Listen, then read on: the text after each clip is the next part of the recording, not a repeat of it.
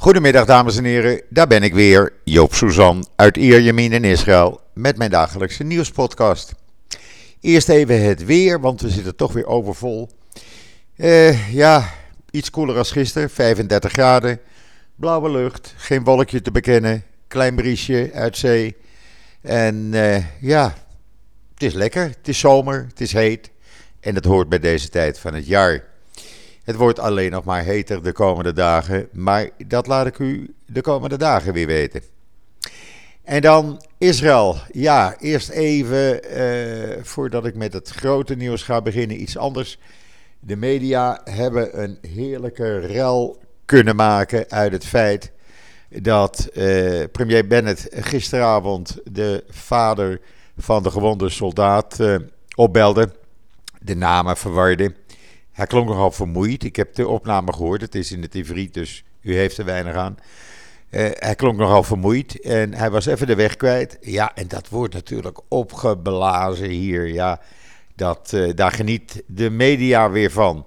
Uh, want is het niet over corona, waarbij ze hopen dat er een lockdown komt? Daar, daar zijn de journaals al nou, een week mee bezig. Elke avond beginnen ze ermee.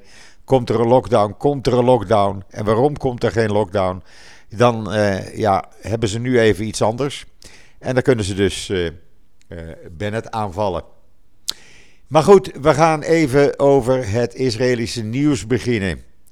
Want ja, het aantal besmettingen dat, dat is nog vrij hoog. Het is minder dan het was. Afgelopen week zagen we tussen de 7 en 8000 besmettingen elke dag. En nu is het uh, 6467 op zondag. Lager dus dan het gemiddelde over de afgelopen week.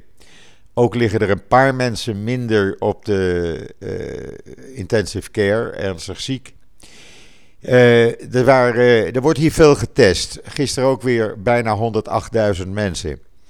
Maar wat niemand nog snapt is hoe het komt dat het positiviteitspercentage nog zo hoog is. 6,31% was het gisteren. Terwijl uh, veel mensen gevaccineerd zijn. De meeste besmettingen, uh, er zijn nu zo'n uh, 68.000 mensen besmet in het land. De meeste mensen zijn, ja, die hebben lichte klachten, zoals ik u bijna elke dag zeg. En er liggen dus 1142 mensen nu in het ziekenhuis, waarvan er 670 als ernstig worden gedefinieerd en 162 in kritieke toestand zijn, uh, met 108 van hen uh, op middernacht aangesloten aan de beademing. Het dodental blijft wel stijgen en dat is opnieuw gestegen met enige tientallen en staat nu op 6830. Uh, maar zeggen de experts en de mensen die het weten kunnen, die zeggen het kantelpunt is bereikt. Uh, we hadden afgelopen week 198 doden door corona. Maar door het vele uh, vaccineren loopt het aantal besmettingen onder uh, gevaccineerden terug.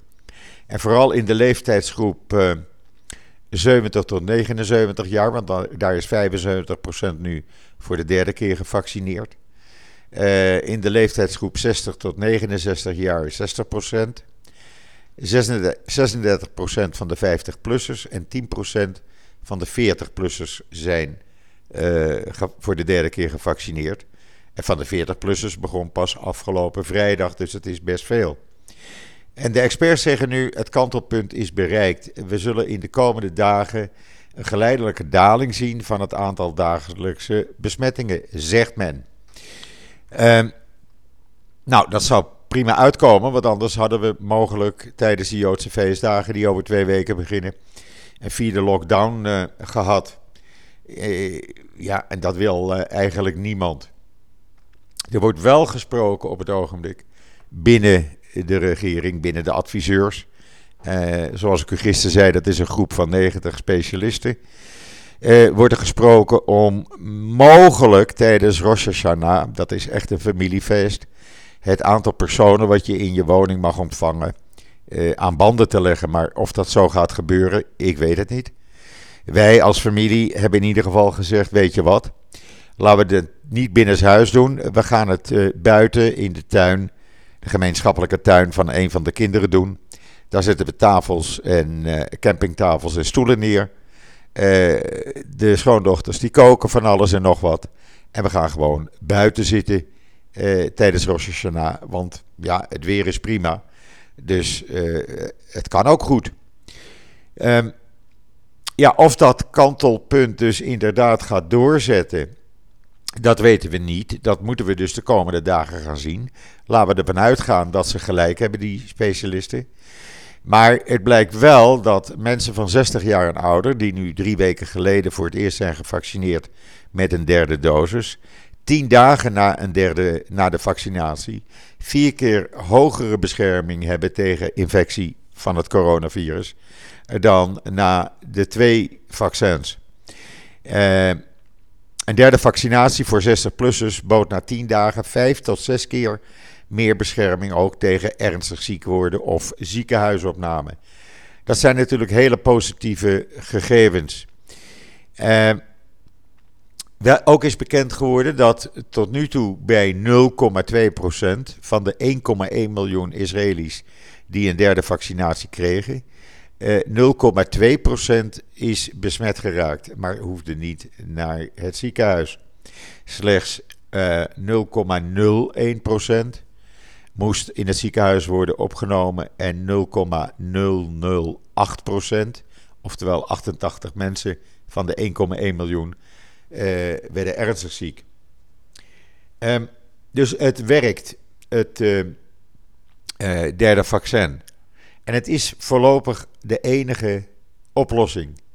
En ja, als ik dan zie in Nederland dat daar, uh, ja, daar wordt nog gesproken over een misschien derde vaccinatie. Ja, hallo, dan ben je dus te laat op het moment dat die uitbraak gaat beginnen. Want die uitbraak in Nederland, hij komt er. Even een slokje water. Um, en waarom zeg ik dat? Nou, de afgelopen dagen, als je de Nederlandse kranten leest en de cijfers kijkt van het RIVM, zit er dus weer een dagelijkse stijging van het aantal besmettingen in. Dus zo is het hier ook begonnen. En dat er in Nederland ook een grote uitbraak komt, ja, daar kan je van op aan. Want Israël is geen eiland. Uh, inmiddels is gisteravond besloten dat de scholen zoals gepland op 1 september open gaan. Wel worden alle uh, eh, 1,6 miljoen scholieren getest. En indien de ouders daarmee instemmen, worden kinderen vanaf 12 jaar op school gevaccineerd. Um, men had gehoopt eigenlijk dat het 1 oktober zou zijn uh, om de scholen te openen.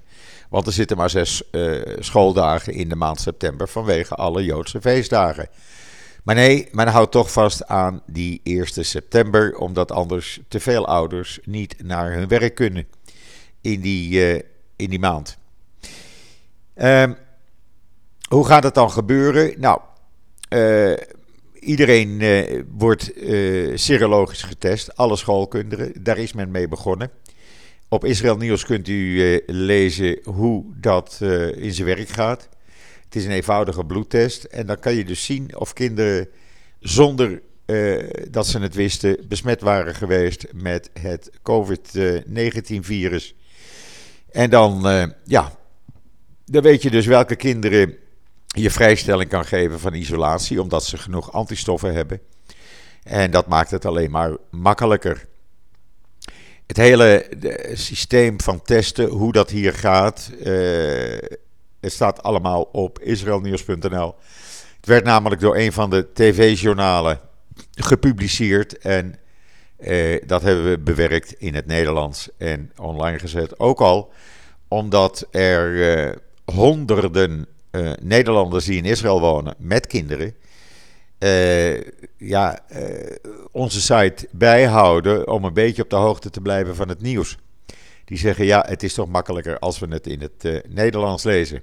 Dus vandaar dat we dat op israelnieuws.nl hebben neergezet. Ehm, goed, die scholen gaan dus beginnen. Uh, er zijn nu 400 locaties door het hele land van het Homefront Command van de IDF. waar die testen kunnen worden uitgevoerd. Binnen een kwartier heb je dan de uitslag van de test. er is wel een uitzondering. Scholen in steden waar 70%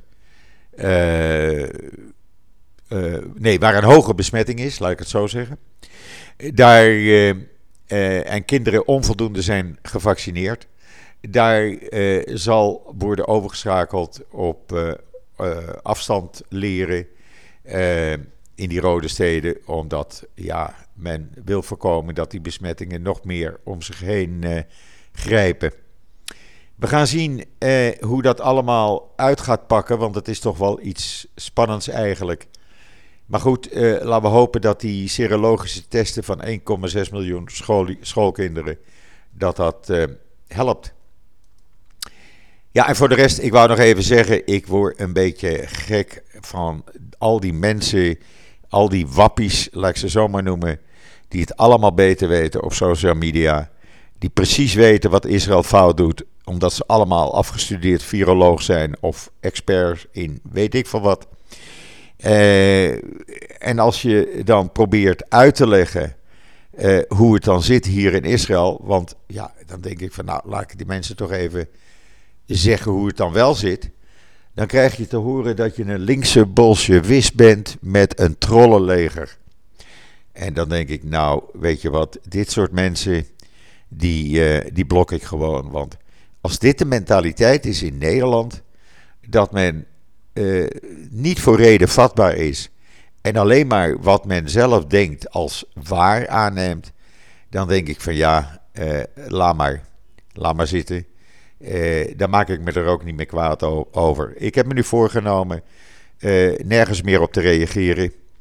Alleen van, op mensen die, waarvan ik weet, die, die ik dan vaak ook ken, dat ze serieus zijn. En de rest, ik reageer nergens meer op ze zoeken het maar allemaal lekker uit. Want als iedereen het beter weet dan uh, de experts in Israël, dan denk ik van nou, dan uh, geef mijn portie maar aan Vicky. En dan uh, even iets anders. Gisteren is bekend geworden dat Danny Dayan, Danny Dayan, de vroegere consul-generaal van Israël in New York, dat die benoemd is tot voorzitter van Yad Vashem. Nou, ik juich het toe. Het is een uitstekende keuze. De man is er uitermate geschikt voor. Uh, heeft de goede contacten. En uh, ik denk dat Yad Vashem hier uh, heel veel voordeel uit gaat halen. Want Yad Vashem, ja, het is toch het Wereld Holocaust Remembrance Center. En dat is toch een meer dan belangrijke functie. Alle staatshoofden die Israël bezoeken, brengen altijd een bezoek aan Yad Vashem. En dan is uh, uh, Bas Belder, de vroegere lid van uh, het Europese parlement en ook historicus, die is begonnen met een serie van drie delen, waarvan vandaag het eerste deel online staat op israelnieuws.nl, over antisemitisme en de islam. En dat is een meer dan interessant verhaal wat hij gemaakt heeft. Ik heb het tweede deel inmiddels mogen lezen. En ik zou zeggen, dit is een aanrader voor iedereen die wil weten hoe het nou werkelijk zit en waarom eh, moslims eh, ja, vaak antisemitische leuzen schreeuwen, waarom ze Joden overal van beschuldigen. Het, uh, het komt allemaal uh, terug in die driedelige serie. Het eerste deel dus staat nu online. het tweede deel komt vrijdag online. En het derde deel, als het goed is, volgende week dinsdag. En uh, ja, ik moet zeggen, ik ben er trots op en uh, blij mee dat Bas uh, Israelnieuws.nl heeft uitgekozen om deze echt zeer interessante artikelen te plaatsen. En dan de staat Alabama. Dan zult u denken, ja, wat heeft dat nou met Israël te maken? Nou, de staat Alabama heeft gekozen voor een bloeddrukmeter uh, op afstand van het uh, Israëlische bedrijf Dario. Daar kan op afstand uh, bloeddruk en andere lichamelijke gebreken mee getest worden, gecheckt worden. De video kunt u zien op israelnieuws.nl. Uh, heel interessant en zou misschien iets voor andere landen ook kunnen zijn. En dan nog even terugkomend op het coronavirus. Want uh, mocht er een lockdown komen in Israël, en die kans die is er nog steeds. En ik zal u uitleggen waarom. Mocht er een lockdown komen, dan komt dat door de AI3-variant van het coronavirus. En dan zult u uh, vragen van AI3. Ja, dat is een uh, variant die zijn oorsprong vindt in Zuid-Amerika. Maar nu in sneltreinvaart besmet, mensen besmet in Amerika. Er zijn staten waar de helft of meer van de besmettingen terug te leiden zijn door die AI3-variant. En wat is er nu gebeurd? Uh, iedereen die Israël binnenkomt, ja, je ontkomt er niet aan, wordt getest. En men heeft tot nu toe 14 mensen die terugkwamen uit het buitenland, uit Amerika, getest op deze variant. Deze mensen worden nu in quarantaine gehouden, omdat de experts, de geleerden, ja, die maken zich zorgen over deze AI3-variant. En dat is ook iets waar u in Nederland rekening mee moet houden. Waarom? Omdat in Nederland amper getest wordt als je terugkomt uit het buitenland, heb ik begrepen. Uh, althans niet op Schiphol gedwongen. Um, deze variant is mogelijk bestand tegen de vaccins. En dat verontrust een heleboel experts. Men is daar nu op aan het testen, hier in Israël, maar ook in Amerika en in Engeland, want daar is het ook al vastgesteld. En uh, ja, men, men zit nog een beetje, laat ik zeggen, met de handen in het haar. Men weet niet wat, hoe men hierop moet reageren. En vooral ook, uh, men zegt ja, dat er varianten zijn, dat is te verwachten, dat weet iedereen. Elk virus komt met zijn eigen varianten constant.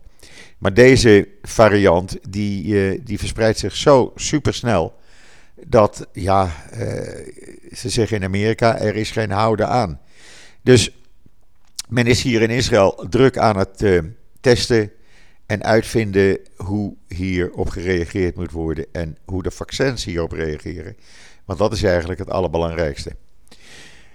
Uh, en daar mag je je best wat zorgen over maken en dat doen ze dan ook hier in Israël. Ja, en voor de rest, uh, het is mondkapjes, mondkapjes, mondkapjes, afstand houden. En dat gebeurt ook. Uh, ik zag in de winkelcentra bij mij hier op de hoek dat de politie naar binnen ging om te controleren. Niet alleen de eigen beveiliging, maar de politie doet dat door het hele land. Mensen die geen mondkapje dragen of niet de neus bedekt hebben, krijgen meteen een boete van 90 euro. Uh, ja, het is de enige manier om iedereen uh, aan de regels zich te laten houden. En gelukkig doet de overgrote meerderheid dat. Maar ja, je hebt hier ook mensen die het niet doen. Want uh, zoals u op mijn Twitter-account heeft hebt kunnen lezen, het staat in Jeruzalem Post. Er was een antiwaxer, een vrouw die, uh, nou, die zei: ah, dat virus stelt allemaal niks voor. Totdat ze besmet raakte en zei van ja, maar dat virus stelt allemaal niks voor. Mijn kinderen, gaan, mijn kinderen gaan gewoon naar de kleuterschool voor kinderen met speciale behoeften. Gevolg is dat meer dan de helft van die kleuterschool nu besmet is. De meeste kleuterleraressen besmet zijn geraakt. En deze vrouw zal worden aangeklaagd en vervolgd en mogelijk de gevangenis in draait. Uh, ja, we hebben ze dus hier ook, dit, uh, die antivaxers. En het is jammer dat het gebeurt, want dat was niet nodig geweest. En uh, ja, dit soort mensen, ik vind, pak ze hard aan. En dat doen ze ook hier in Israël. En dan een flinke dauw en een uh, gevangenisstraf. Hopelijk dat dat helpt, of anders een hoge geldboete. Goed, dat brengt mij tot het einde van deze nieuwspodcast van vandaag. Rest mij u nog een hele fijne voortzetting van deze maandagmiddag toe te wensen. Wat mij betreft, het is hier nog steeds heet, maar ik ben er morgen weer. En zeg ik zoals altijd, tot ziens, tot morgen.